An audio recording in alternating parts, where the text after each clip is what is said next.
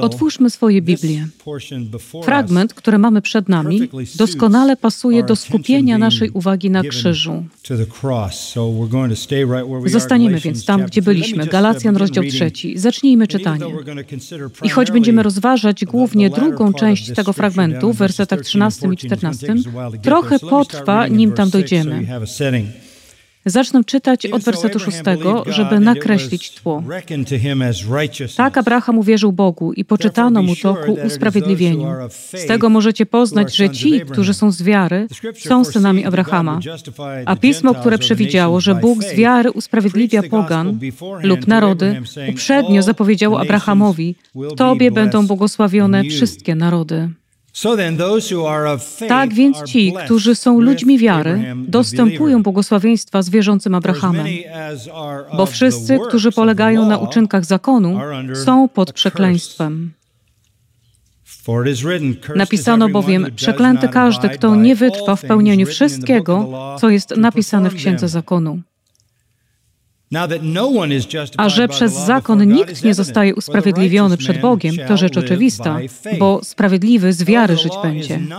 Zakon zaś nie jest z wiary, ale kto go wypełni, przezeń żyć będzie.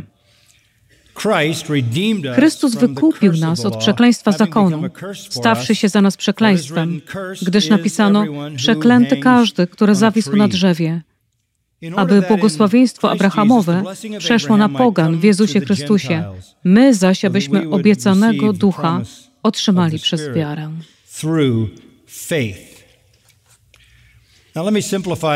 Pozwólcie, że to uproszczę. Zauważyliście, że słowo błogosławiony zostało użyte kilka razy. Możecie też zauważyć, że jest tam wiele wzmianek o przeklętych. Błogosławiony lub przeklęty. Sprowadza się to do tego, że jeśli działasz w sferze wiary, wiary w Boga, wiary w naszego Pana Jezusa Chrystusa, jesteś błogosławiony. Jeśli działasz w sferze uczynków, dobrych uczynków jako sposobu zbawienia, jesteś przeklęty. Werset dziewiąty mówi: Ci, którzy są ludźmi wiary, dostępują błogosławieństwa. Werset dziesiąty mówi: Ci, którzy są ludźmi uczynków prawa, dostępują przekleństwa. To podsumowuje nauczanie Pawła w liście do Galacjan 3 i 4. Wiara przynosi Boże błogosławieństwo, czyli zbawienie. Uczynki sprowadzają Boże przekleństwo, czyli potępienie. To jest tak jasne. Nie można tego mieszać. Werset 12 mówi, że wiara i prawo nie idą w parze. Prawo nie pochodzi z wiary. Wzajemnie się wykluczają. To nie są dwie strony tego samego. Nie są partnerami, są wrogami. Wiara przynosi błogosławieństwo, uczynki przynoszą przekleństwo. Mam tu na myśli uczynki jako sposób na zbawienie, odkupienie, przebaczenie, pojednanie i dostanie się do nieba. Biblia bardzo jasno mówi, że usprawiedliwienie przed Bogiem jest z wiary. I widzieliście to wyraźnie wcześniej w tym, co przeczytałem, że Abraham uwierzył Bogu, werset szósty, i poczytano mu to, zaliczono, przypisano ku usprawiedliwieniu. I wtedy zdajesz sobie też sprawę, że wiara to jedyny sposób, w jaki można być błogosławionym. Werset dziewiąty. Abraham dostąpił błogosławieństwa przez wiarę. Wszyscy ludzie, którzy są błogosławieni, są błogosławieni przez wiarę. I dalej w wersecie 11, cytując Habakuka, proroka Starego Testamentu, rozdział 2, werset 4. Sprawiedliwy z wiary żyć będzie. Zbawienie jest tylko przez wiarę. W zeszłym tygodniu zwróciliśmy uwagę na dość zdumiewający wynik niedawnego sondażu, w którym 52% ewangelicznych protestantów stwierdziło, że zbawienie jest kwestią wiary i uczynków. I to przypomina nam o fakcie, który przytaczałem przez ostatnich kilka tygodni, że większość ludzi w większości kościołów protestanckich jest omamiona. Takim określeniem Paweł nazwał ich w pierwszym wersecie tego rozdziału. Byli głupio omamieni w kwestii tak podstawowej, jak Ewangelia łaski tylko przez wiarę, a nie przez uczynki. Łaską zbawieni jesteście przez wiarę, nie z uczynków, mówi list do Efezjan 2:8. Z uczynków no zakonu, Rzymian 3:20, nie będzie usprawiedliwiony przed nim żaden człowiek. W rzeczywistości cała ludzkość jest przeklęta. Zauważyliśmy to ostatnim razem. I wszyscy są przeklęci z powodu niezdolności do posłuszeństwa Bożemu prawu. Boże prawo jest oczywiście objawione w sercu, ale jest ono objawione znacznie obszernie i wyraźniej na kartach Pisma Świętego. A cała rasa ludzka od upadku Adama naruszała Boże prawo. Werset dziesiąty mówi: Przeklęty każdy, kto nie wytrwa, to znaczy nie pozostanie wierny uległy, posłuszny pełnieniu wszystkiego, co jest napisane w Księdze Zakonu. Jakuba 2,10 dodaje, że jeśli złamie się je w jednym punkcie, jest się winnym całości. Tak więc cała rasa ludzka jest przeklęta. Wszyscy ludzie łamią Boże prawo. Łamanie Bożego prawa jest oczywistą częścią ich życia. Łamią Boże prawo bez ustanku. Nie wierząc w Pana Jezusa Chrystusa, łamią Boże prawo w każdej chwili, ponieważ nie wyznali Jezusa jako Pana. Wszyscy rodzimy się w grzechu. Psalm 51. Jako poczęci w nieprawości, pojawiamy się jako grzesznicy. Nasze życie naznaczone jest zepsuciem, naznaczone jest grzechem, a dowodem na to wszystko jest to, że każdy umiera. Każdy umiera. Ezechiela 18. Człowiek, który grzeszy, umrze i wszystkich to spotka. W liście do Rzymian Paweł mówi, zapłatą za grzech jest śmierć. Nie możemy zaprzeczyć, że wszyscy są grzesznikami, bo nie możemy zaprzeczyć, że wszyscy umierają umieramy. To jest fakt. I to jest dowód na to, że każdy jest przeklęty. Paweł odważnie i wiernie robi to, co powinni robić wszyscy kaznodzieje. A mianowicie mówić ludziom, że są przeklęci przez Boga i to przekleństwo doprowadzi do śmierci oraz wiecznego piekła, wiecznego, świadomego cierpienia. Taka jest prawda o stanie człowieka. I to jest prawda, o której pisze Paweł, i to jest prawda, o której mówimy my. Cały rodzaj ludzki jest przeklęty przez Boga. Naruszyli Jego prawo, odrzucili Jego sposób zbawienia tylko w Chrystusie i zmierzają do konsekwencji tego przekleństwa wiecznej kary w piekle. We fragmencie, który mamy przed sobą, szczególnie w wersetach od 10 do 14, którym się przyjrzymy, są dwa przekleństwa. Pierwsze z nich omówiliśmy tydzień temu. Na wszystkich ludziach ciąży Boże przekleństwo. Boże przekleństwo ciąży na wszystkich. O tym właśnie mówiłem. Werset od 10 do 12. Przeklęty każdy, kto nie wytrwa w pełnieniu wszystkiego, co jest napisane w Księdze Zakonu. To przekleństwo ciąży na wszystkich ludziach, na całej rasie ludzkiej. A rzeczywistość jest tak zła, że nie ma na nią żadnego ludzkiego lekarstwa. Człowiek nie może nic zrobić. Bez względu na szlachetność jego moralnych starań, bez względu na rozległość jego religijnych starań, bez względu na to, przez ile rytuałów, ceremonii i sakramentów przechodzi, człowiek nie może zrobić niczego, żeby wyjść spod tego przekleństwa. Jego stan opisany jest w liście do Rzymian 3. Pamiętacie te wersety? Począwszy od wersetu 10. Jak napisano, wszystko pochodzi z Starego Testamentu, nie ma ani jednego sprawiedliwego. Nie masz, kto by rozumiał, nie masz, kto by szukał Boga. Wszyscy zboczyli, razem stali się nieużytecznymi. Nie masz, kto by czynił dobrze, nie masz ani jednego. Grobem otwartym jest ich gardło, językami swoimi knują zdradę. Jad żmii lub węży pod ich wargami. Usta ich są pełne przekleństwa i gorzkości. Nogi ich są skore do rozlewu krwi, spustoszenie i nędza na ich drogach, a drogi pokoju nie poznali. Nie ma bojaźni Bożej przed ich oczami. Tak więc wszystkie usta są zamknięte, a cały świat odpowiada przed Bogiem. Taki jest prawdziwy stan człowieka. Dziś często można usłyszeć, jak ludzie mówią, Wierzymy, że ludzie są zasadniczo dobrzy, mają dobre intencje i są szlachetni. I widzimy pewne dowody na to, że ludzie troszczą się o innych w niektórych katastrofach. Widzimy pewną miarę ludzkiej dobroci i nikt temu nie zaprzecza.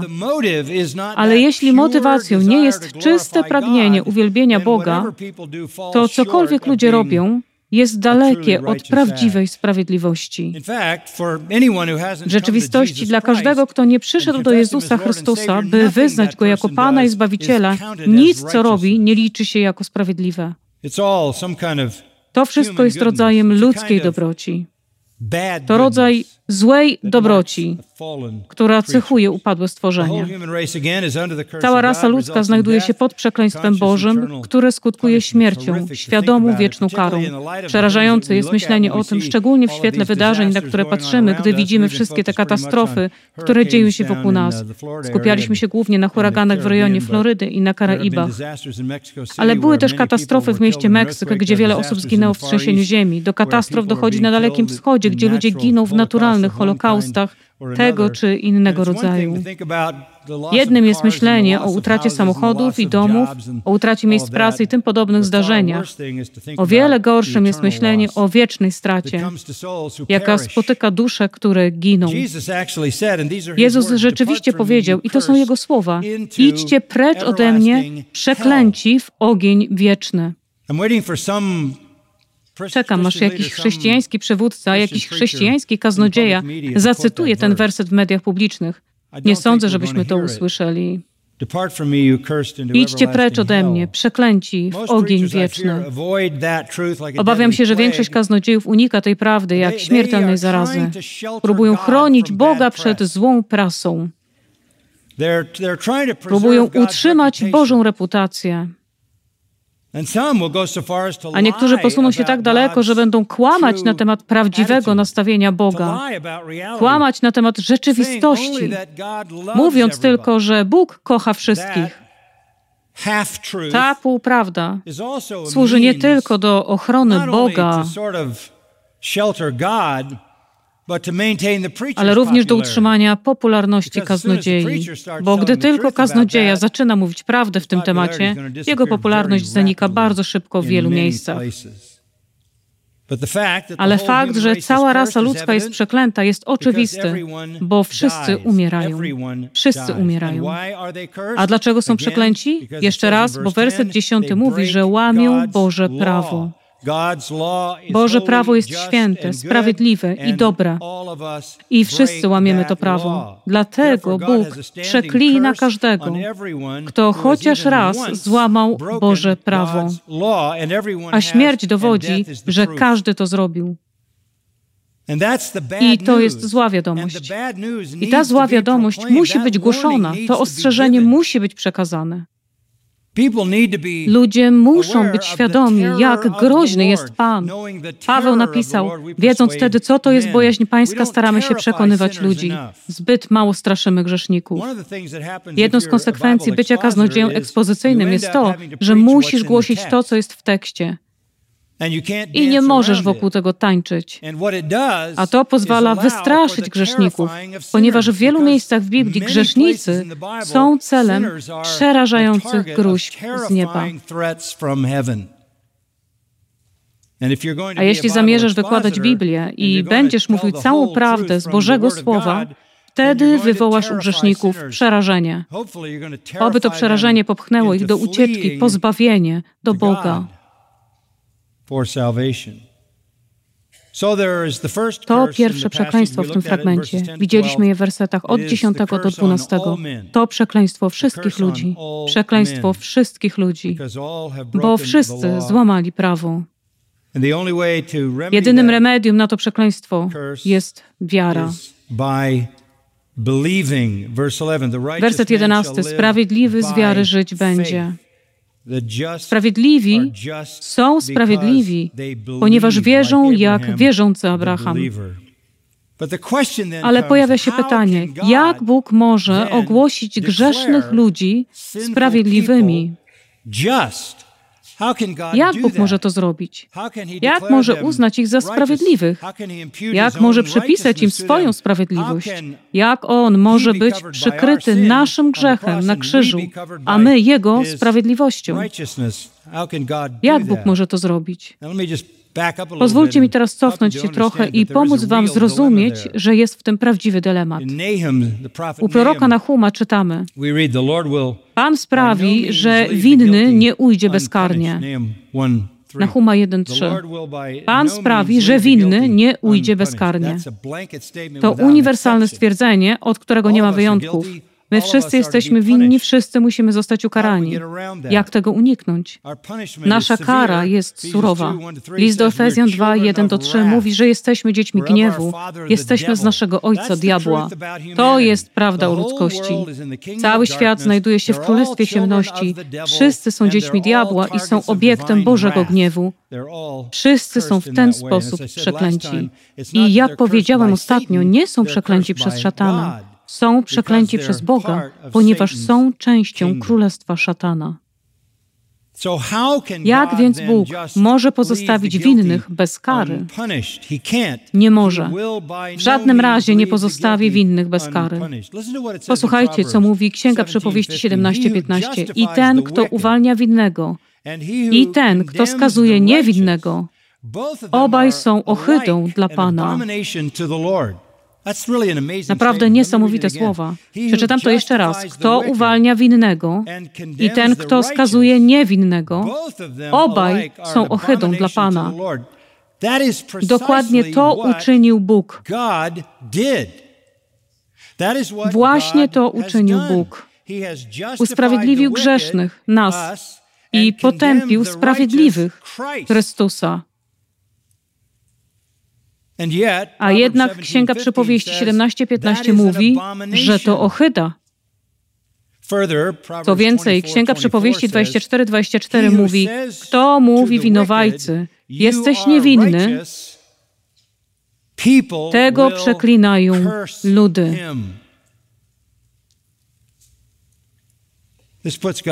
Stawia to Boga przed bardzo poważnym dylematem. Czy Bóg zrobi to, co według Niego jest ohydą? Czy Bóg zrobi coś, co sprawi, że ludzie będą Go przeklinać? Czy Bóg zamierza usprawiedliwić grzesznych i potępić sprawiedliwych? Dokładnie to robi Bóg. On potępia swojego Syna, sprawiedliwego, i usprawiedliwia nas nikczemnych. Jak Bóg może to robić? I samemu nie być niesprawiedliwym. Odpowiedzią jest oczywiście drugi list do Koryntian 5:21. On tego, który nie znał grzechu, Jezusa, za nas grzechem uczynił, abyśmy w nim stali się sprawiedliwością Bożą. Winni nie pozostają bezkarni. Winni są ukarani, ale karę przyjmuje zastępca.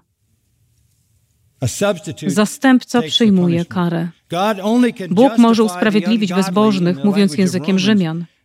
Bóg może usprawiedliwić złoczyńców, mówiąc językiem przypowieści, jeśli tylko ukaże ich grzechy. I postanowił zrobić to sprawiedliwym w Jezusie Chrystusie. To jest chwała Ewangelii. I to jest drugie przekleństwo. Wróćmy do wersetów 13 i 14. Pierwsze przekleństwo, Boże przekleństwo na wszystkich ludzi. Teraz drugie przekleństwo, Boże przekleństwo na jednego człowieka. Boże przekleństwo na jednego człowieka. Boże przekleństwo na wszystkich to zła wiadomość, Boże przekleństwo na jednego to dobra wiadomość. Werset 13. Chrystus wykupił nas od przekleństwa zakonu, stawszy się za nas przekleństwem. Przekleństwo prawa to po prostu przekleństwo Boga na wszystkich łamiących prawo, czyli na całą rasę ludzką. Nie ma ani jednego sprawiedliwego. Przekleństwo prawa jest za naruszenie Bożego prawa. Ale Bóg nas odkupił, wykupił nas z tego przekleństwa przez Chrystusa, który stał się przekleństwem dla nas. W ten sposób Bóg usprawiedliwia bezbożnych, jak mówi Paweł w liście do Rzymian. stał się dla nas przekleństwem. No Żaden grzech nie ujdzie bez kary, ale w łasce Bożej nie jesteśmy karani za nasze grzechy. Chrystus został ukarany w nasze miejsce. Grzech człowieka musi zostać ukarany, sprawiedliwość musi zostać zaspokojona. Wymaga tego Bóg. To nie jest kaprys. Ale duchowa śmierć człowieka, jego duchowa niezdolność, duchowa niechęć człowieka pozostawiają go niezdolnym do zapłacenia kary za swój grzech bez pójścia do piekła na zawsze. Dlatego Bóg wyznaczył swojego Syna, Pana Jezusa Chrystusa, żeby zajął miejsce grzeszników i przyjął ich karę. A w 1 Jana 2:2 i 4:10 jest napisane: On ci jest ubłaganiem za grzechy nasze, a nie tylko za nasze, lecz i za grzechy całego świata. Oznacza to po prostu zaspokojenie. Boża sprawiedliwość musi zostać zaspokojona. I w śmierci Chrystusa sprawiedliwość została zaspokojona, ponieważ Boża sprawiedliwość wymierzyła pełną karę za wszystkich ludzi, którzy kiedykolwiek uwierzą w Chrystusa w całej historii. Spłacone zostały wszystkie grzechy, które kiedykolwiek popełnimy. On jest przebłaganiem, zadośćuczynieniem Bożej sprawiedliwości. Przebłaganie jest też użyte w liście do Hebrajczyków 2:17, użyte jest też w liście do Rzymian 3:23-26. To kluczowe słowo. Boża sprawiedliwość musi być zaspokojona. Musi być zaspokojona. On w żaden sposób nie może usprawiedliwić winnych.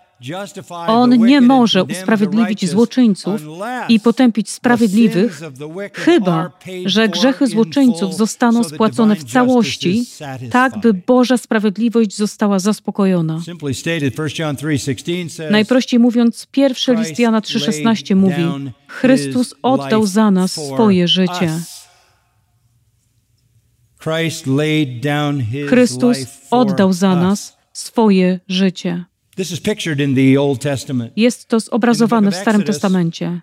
W Księdze Wyjścia Boży Sąd miał przyjść na Egipt w postaci plag i uh, Bóg przekazał słowo, że jeśli naród żydowski złoży w ofierze baranka paschalnego i weźmie krew tego baranka i pomarzy nią drzwi, na górze drzwi i po bokach, anioł śmierci przyjdzie w noc rzezi wszystkich pierworodnych i przejdzie obok domu, w którym rozlano krew. Trzeba było zabić baranka paschalnego i rozmazać jego krew, żeby uchronić Izrael przed wykonaniem Bożego sądu w Egipcie.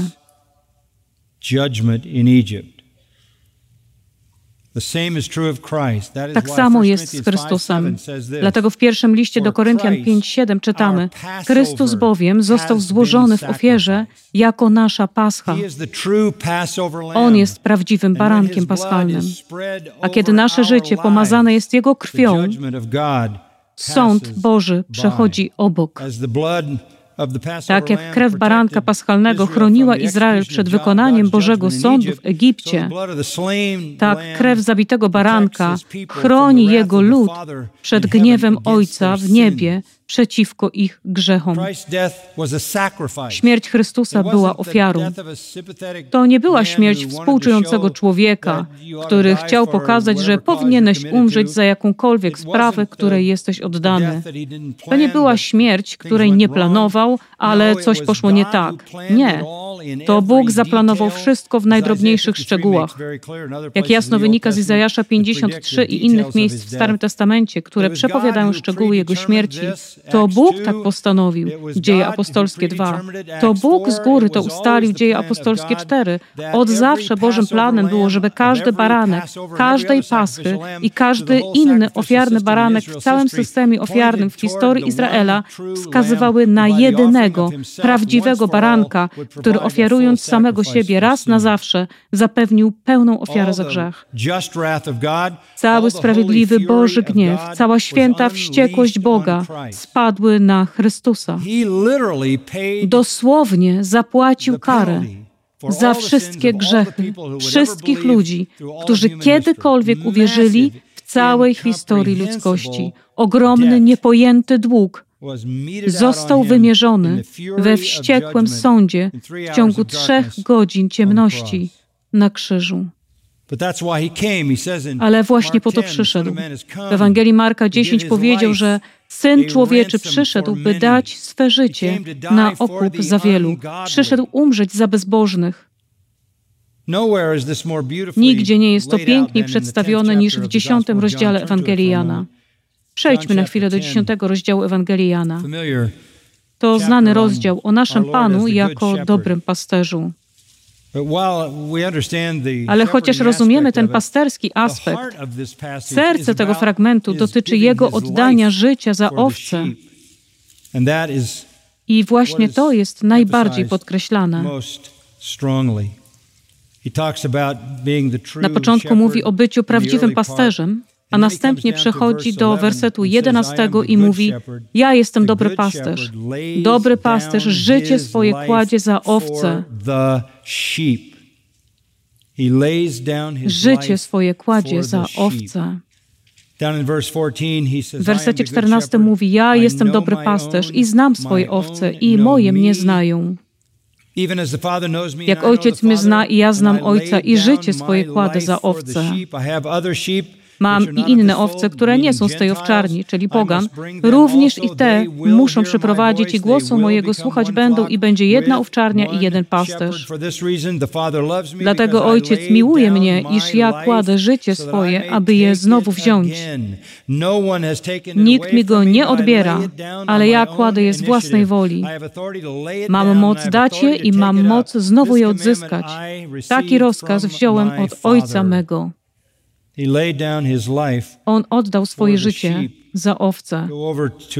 Przejdźmy do wersetu 27 w tym samym rozdziale. Owce moje głosu mojego słuchają i ja znam je, a one idą za mną i ja daję im żywot wieczny i nie giną na wieki i nikt nie wydrze ich z ręki mojej. Oczywiste jest, że Pan jest pasterzem, który ma owce. On zna swoje owce, wie kim one są. On oddaje swoje życie za swoje owce. On oddaje swoje życie za swoje owce. A jego owce, gdy je zawoła, usłyszą jego głos przyjdą i pójdą za nim, a on je zachowa, ochroni i będzie ich strzegł. I nikt nigdy nie wyrwie ich z jego ręki. Daje im życie wieczne, a one nigdy nie zginą. To jest oddanie wspaniałego, dobrego pasterza dla swoich owiec. A kiedy umarł na krzyżu, były oczywiście miliony owiec, które nawet się jeszcze nie urodziły, a należały do Niego. On miał zgromadzić je do siebie. One usłyszą Jego głos. On je uratuje, bo na krzyżu zapewnił dla nich przebłaganie.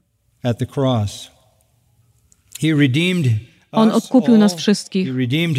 Odkupił swoje owce.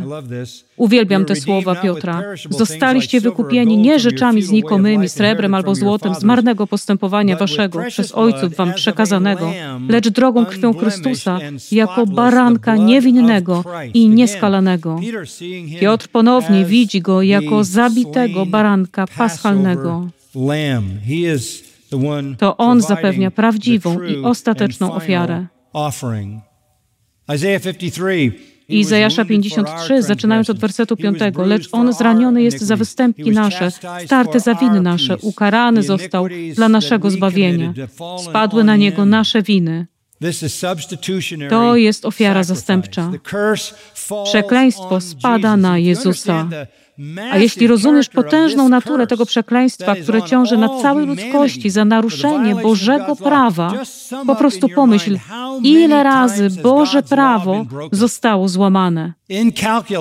Nie da się tego zliczyć, a jednak niebo prowadzi rejestr. Wszystko jest w księgach. I za wszystkich wierzących we wszystkich wiekach kara za wszystkie te grzechy została wymierzona w Bożej wściekłości Chrystusowi w ciemnościach Kalwarii.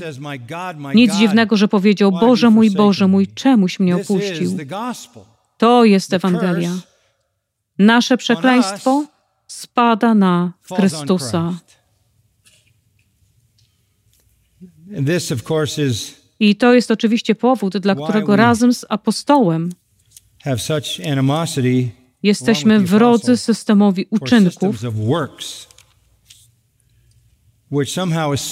który w jakiś sposób zakłada, że śmierć Chrystusa była niewystarczająca lub niekompletna. Posłuchajmy listu do Rzymian 5:10. Jeśli bowiem, będąc nieprzyjaciółmi, zostaliśmy pojednani z Bogiem przez śmierć Syna Jego. Zostaliśmy pojednani z Bogiem przez śmierć Syna Jego. Przebłaganie ma charakter obiektywny. To znaczy, że jest to dzieło dokonane w historii przez prawdziwą osobę w prawdziwym miejscu na prawdziwym krzyżu w Bożym planie. Obiektywne przebłaganie, nie mistyczne, obiektywne, historyczne. Jest to również ostateczne przebłaganie. Jest ostateczne. Nic, zupełnie nic nie można do niego dodać. Posłuchajmy listu do Hebrajczyków 7:26. Takiego to przystało nam mieć arcykapłana, świętego, niewinnego, nieskalanego, odłączonego od grzeszników i wywyższonego nad niebiosa, który nie musi codziennie jak inni arcykapłani składać ofiar, najpierw za własne grzechy, następnie za grzechy ludu. Uczynił to bowiem raz na zawsze, gdy ofiarował samego siebie. Raz na zawsze. Rozdział dziewiąty. Werset 25 Hebrajczyków. I nie dlatego, żeby wielokroć ofiarować samego siebie, podobnie jak arcykapłan wchodzi do świątyni co roku z cudzą krwią, gdyż w takim razie musiałby cierpieć wiele razy od początku świata, ale obecnie objawił się on jeden raz u schyłku wieków dla zgładzenia grzechu przez ofiarowanie samego siebie. Raz, werset 28, taki Chrystus raz ofiarowany, aby zgładzić grzechy wielu. I jakby nie zostało to jeszcze wyczerpane, argument autora listu do Hebrajczyków przechodzi do kolejnego rozdziału. A każdy kapłan sprawuje codziennie swoją służbę i składa wiele razy te same ofiary, które nie mogą w ogóle zgładzić grzechów. Lecz gdy on złożył raz na zawsze jedną ofiarę za grzechy, usiadł po prawicy Bożej. Albowiem jedną ofiarą uczynił na zawsze doskonałymi tych, którzy są uświęceni. Jest to rażące potępienie rzymskokatolickiej mszy, która jest powtórzeniem ofiary Chrystusa raz jeszcze, raz jeszcze i raz jeszcze co jest niczym innym jak bluźnierczą i pogańską praktyką. Podczas gdy Jezus dokonał oczyszczenia z grzechów, gdy usiadł po prawicy Boga. Jest to obiektywne przebłaganie, ostateczne przebłaganie i skuteczne przebłaganie. Nadasz mu imię Jezus, Mateusza 1,21, albowiem On zbawi lud swój od grzechów Jego. To będzie skuteczne przebłaganie. To nie jest potencjalne przebłaganie. Ono jest rzeczywiste. On naprawdę umarł za grzechy wszystkich, którzy kiedykolwiek uwierzą w Niego w historii ludzkości. On nie tylko potencjalnie zapłacił za Twoje grzechy, On faktycznie za nie zapłacił, ponieważ należysz do Niego, ponieważ On Cię wybrał i zapisał Twoje imię przed założeniem świata. Dlaczego Bóg to robi? Co sprawia, że Bóg jest gotów obciążyć przekleństwem swojego Syna? On stworzył aniołów, a kiedy aniołowie upadli, On przygotował dla nich wieczny ogień. Nigdy nie pomyślał, by ich przywrócić, by ich odzyskać. A kiedy upadł człowiek, dlaczego Bóg razem z Chrystusem powiedzieli: Odkupimy tych upadłych ludzi. Zgromadzimy odkupioną ludzkość, zabierzemy ich do nieba. Dlaczego Bóg to robi? Dlaczego? Odpowiedzi pojawiają się już w Starym Testamencie. Oh Posłuchajcie Psalmu 106:8. A jednak wybawił ich dla imienia swego, aby okazać moc swoją. A jednak wybawił ich dla imienia swego, aby okazać moc swoją. On wystawia na pokaz moc zbawienia. To znaczy miłosierdzie, łaskę, współczucie, dobroć, przebaczenie, odkupienie, zastąpienie, wszystkie te rzeczy. Posłuchajcie Izajasza 48:11. Przez wzgląd na siebie, przez wzgląd na siebie czynię to. Bo jakże zbezczeszczone było moje imię, a przecież mojej chwały nie oddam innemu. Jestem pełen chwały i dokonuję tego dzieła zbawienia, żeby wyeksponować moje imię. Warto też skomentować Ezechiela 36.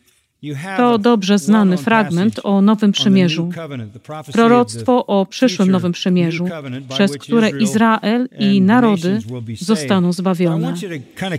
Ale chcę, żebyście w pewnym sensie uchwycili kontekst Ezechiela 36 w wersecie 22. Dlatego tak powiedz domowi izraelskiemu, tak mówi wszechmocny Pan.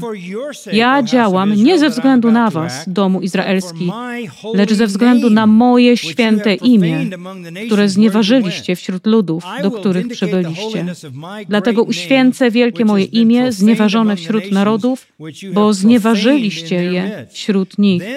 I poznają ludy, że ja jestem Pan, mówi wszechmocny Pan, gdy na ich oczach okaże się święty wśród was a potem mamy to wspaniałe nowe przymierze i pokropię was czystą wodą i będziecie czyści od wszystkich waszych nieczystości i bałwanów i dam wam serce nowe i ducha nowego dam do waszego wnętrza i usunę z waszego ciała serce kamienne, a dam wam serce mięsiste. Mojego ducha dam do waszego wnętrza i uczynię, że będziecie postępować według moich przykazań, moich praw będziecie przestrzegać i będziecie mieszkać w ziemi, którą dałem waszym ojcom i będziecie moim ludem, a ja będę waszym Bogiem.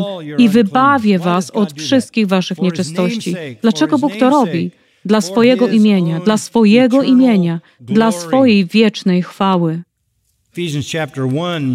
Spójrzmy przez chwilę na pierwszy rozdział listu do Efezjan. Mówi o wszystkim, co mamy w Chrystusie. Mamy wszelkie duchowe błogosławieństwo niebios. Mówi o byciu wybranym, predestynowanym, odkupionym, o otrzymaniu przebaczenia, mądrości i roztropności, wszystkich tych cennych wartościach, naszym dziedzictwie. I dlaczego? Dlaczego Bóg to robi? Dlaczego? Werset 12. Dla uwielbienia Jego chwały. Koniec wersetu 14. Ku uwielbieniu chwały Jego. Dlatego w modlitwie arcykapłańskiej w Ewangelii Jana 17 Jezus powiedział: Uwielbij mnie, Ojcze, tą chwałą, którą miałem u Ciebie, zanim świat powstał. Ja Cię uwielbiłem na ziemi, a teraz Ty uwielbij mnie w niebie. Zbawienie to Boży plan na przyniesienie sobie wiecznej chwały. To jest Boża motywacja. Wróćmy teraz do listu do Galacjan i po prostu podsumujmy nasze myśli. Żeby zilustrować to przekleństwo, Paweł sięga do tekstu z Księgi Powtórzonego Prawa 21-23. Werset 13. Albowiem napisano, gdyż napisano przeklęty każdy, który zawisł na drzewie. On odnosi się do przypadku opisanego w powtórzonego prawa 21-23, który odzwierciedla żydowską tradycję. Kiedy ktoś był bluźniercą, ktoś był obrzydliwością dla Boga, kiedy wykonywano przeciwko komuś takiemu karę śmierci, kamienowano go na śmierć. Nie krzyżowano go, tylko kamienowano. Ale po ukamienowaniu ich zwyczajem było przywiązanie zwłok do słupa lub do drzewa aż do zachodu słońca jako widoczny znak odrzucenia przez Boga. Widoczny znak odrzucenia przez Boga. Nie chodziło o to, że ta osoba była przeklęta, dlatego że była przywiązana do drzewa, ale ponieważ była przeklęta przez Boga, przywiązywano ją do drzewa. A tutaj Paweł mówi, to Jezus.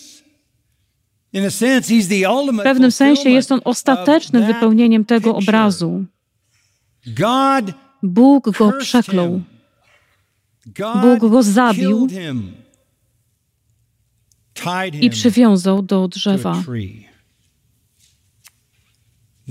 To jest przekleństwo od Boga. Chcesz wiedzieć, jak srogie jest przekleństwo od Boga? Sprowadziło wszystkie grzechy wszystkich, którzy kiedykolwiek uwierzą w Jezusa, a On przyjął pełną gwałtowność kary i był wręcz publicznym, jawnym i głośnym obrazem przeklętego przez Boga. Żydzi o tym wiedzieli. Wiedzieli, że ktoś przywiązany do drzewa był przeklęty, znali swoje pismo. Jezus był przeklęty przez Boga. Ale było to też zamierzone ze względu na nas. Nie tylko dla Bożej chwały, ale spójrzmy na werset 14. Mamy dwa słowa wskazujące na cel: aby i abyśmy. Bardzo proste. Aby błogosławieństwo Abrahamowe przeszło na pogan w Jezusie Chrystusie. Chrystus umarł na krzyżu, aby zapewnić zbawienie dla całego świata przez wiarę, niezależnie od tego, czy znali prawo mojżeszowe. Jeśli zbawienie wymaga przestrzegania prawa Mojżesza i obrzezania, większość świata nie może być zbawiona, bo o tym nie wie.